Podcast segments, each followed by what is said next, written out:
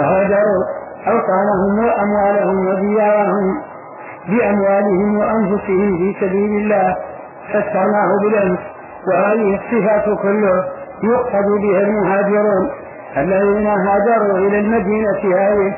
النبي وهم النبي صلى الله عليه وسلم وأصحابه الذين هاجروا معه رضي الله عنهم والذين آووا يعني آووهم قد قدمنا أن العرب تقول آواه يؤويه إيواء إذا ضمه إليه وجعل له مأوى يأوي إليه والمأوى المسكن والمنزل لأن الأنصار هيئوا للمسلمين أمكنة ينزلون فيها وهيئوا لهم كل ما يستعينون به. وأخى النبي صلى الله عليه وسلم بينهم كان يقول فلان أخو فلان فيتوارثان بذلك الإخاء وكان الأنصار يشاطرونهم أموالهم. وقد آخى صلى الله عليه وسلم بين عبد الرحمن بن عوف الزهري رضي الله عنه وسعد بن الربيع الأنصاري رضي الله عنه. ذكر بعض أهل المراجي والأخبار أن النبي لما آخى بينهما جاء سعد إلى عبد الرحمن وقال أرخص ما عندي نعلاي فهذه إحداهما وأعظم ما عندي زوجتان. أنزل لك عن إحداهما فإن تمت عدتها فزوجتها. وقد كان عبد الرحمن بن عوف رضي الله عنه وأغلب المهاجرين تعففوا وتجروا. فقال له عبد الرحمن بن عوف اقرض لي درهما. فاقرضه درهما فاستدار به فراح وعنده درهمان رد إليه درهما فاستدار بالثاني فراح عنده درهمان ولم يزل يتجر حتى انتشر عليه المال. وكان من أغنياء الصحابة رضي الله عنهم. فهم آووهم هيئوا لهم المساكن والأموال وشاطروهم أموالهم وأحسنوا إليهم كل الإحسان كما في قوله يحبون من هاجر إليهم ولا يجدون في, صدورهم حاجة مما أوتوا ويؤثرون على أنفسهم ولو كان بهم خصاصة. هذا ثناء الله ومدحه للمهاجرين والأنصار. ثم قال أولئك الإشارة في قوله أولئك شاملة للمهاجرين والأنصار معا. فالمهاجرون هم المعبر عنهم بآمنوا وهاجروا وجاهدوا بأموالهم وأنفسهم في سبيل الله. والأنصار هم المعبر عنهم بقوله آووا ونصروا أي آووا النبي وأصحابه ونصروهم على أعدائهم. هؤلاء جميعا هم المؤمنون حقا حق إيمانهم حقا. لأنهم صدقوا إيمانهم بهجرتهم وجهادهم في سبيل الله بأموالهم وأنفسهم وبإيمانهم وأولئك حققوه بإيوائهم ونصرتهم لله. لأن الأنصار قامت موقفا عظيما حيث تحملت عداوة جميع أهل الدنيا في نصرة النبي صلى الله عليه وسلم وأصحابه. فلذا قال إن الذين والذين آمنوا وهاجروا وجاهدوا بأموالهم وأنفسهم في سبيل الله والذين آووا ونصروا أولئك هؤلاء هم المؤمنون حقا بمعنى الكلمة الإيمان التام الذي هو لا قيل فيه ولا قال بل هو الإيمان كما ينبغي. وهذه من الآيات الدالة على تزكية الصحابة لا سيما المهاجرين والأنصار ووصفهم بالعدالة وصحة الإيمان. فإذا روى لنا مهاجري أو مهاجري أو أنصاري حديثا فلا نقول هل هذا عدل وغير عدل. لأنه لا نزكي أعظم تزكية من الله ولا تزكية أعظم. من قوله أولئك هم المؤمنون حقا لهم مغفرة ورزق كريم. والله جل وعلا نوه بشأن المهاجرين والأنصار والذين اتبعوهم ونوه بشأن جميع الصحابة. وزكاهم في غير ما آية من الآيات التي أثنى بها على المهاجرين والأنصار.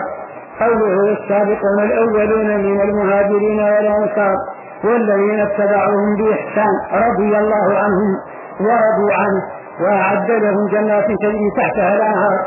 وفي قراءة ابن عامر وفي قراءة أبي عمر جنات وفي قراءة ابن كثير جنات تجري من تحتها الأنهار.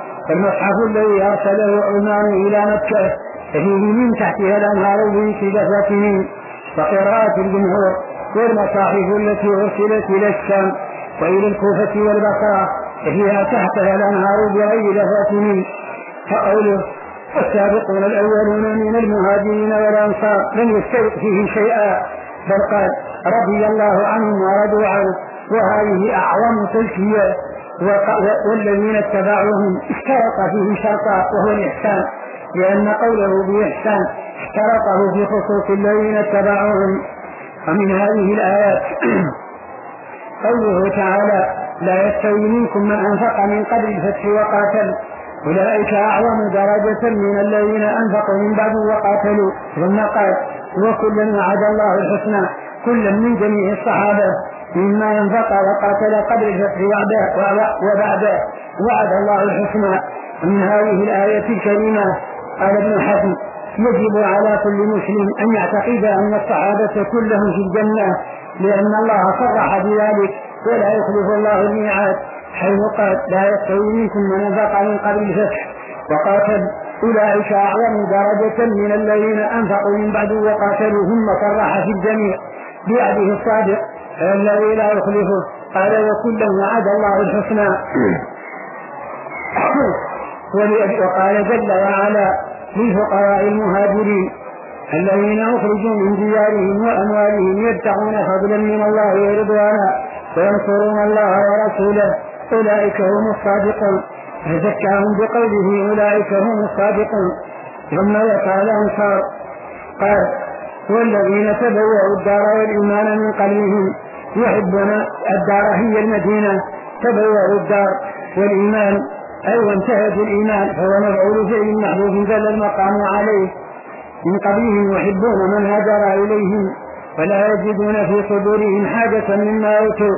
قال جماعة من أهل العلم إن المهاجرين أفضل من الأنصار. ولذا كان الأنصار لا يكون في صدورهم شيء من فضل المهاجرين عليهم. هكذا قاله غير واحد. يؤثرون على أنفسهم ولو كان بهم خساسة ثم ذكر من يأتي بعدهم فقال فالذين جاءوا من بعدهم يقولون ربنا اغفر لنا ولإخواننا الذين سبقونا بالإيمان ومن هذه الآيات. أخذ مالك بن أنس رحمه الله إمام دار الهجرة أن الذين يسبون بعض أصحاب النبي أصحاب النبي صلى الله عليه وسلم لا نصيب لهم في بيت المسلمين أبدا. وقال لهم قال لبعضهم هل أنتم من من الفقراء المهاجرين الذين أخرجوا من ديارهم وأموالهم يبتغون فضلا من الله ورضوانا فينصرون الله ورسوله؟ قالوا لا لسنا من هؤلاء. قال هل أنتم من الذين قال فيهم والذين تبوأوا الدار والإيمان من قبلهم يحبون من هاجر إليهم؟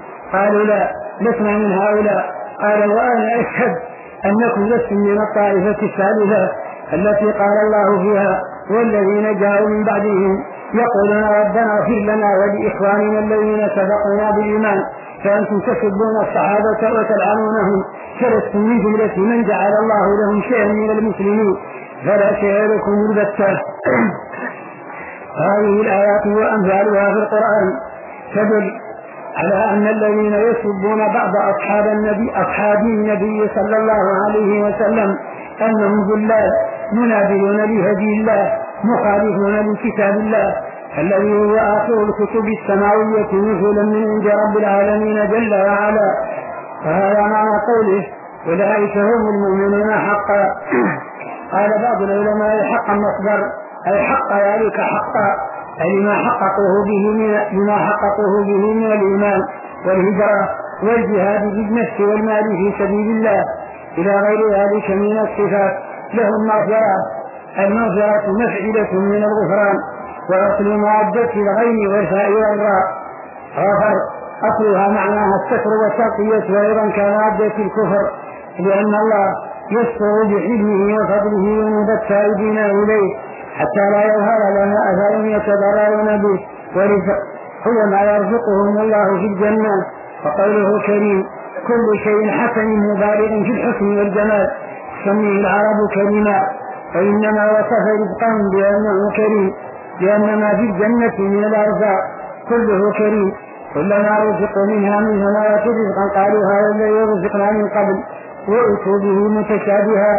وأرزاق الجنة. مبينة في القرآن العظيم من مآكلها ومشاربها وغير ذلك. وهذا معنى قوله لهم مغفرة ورزق كريم.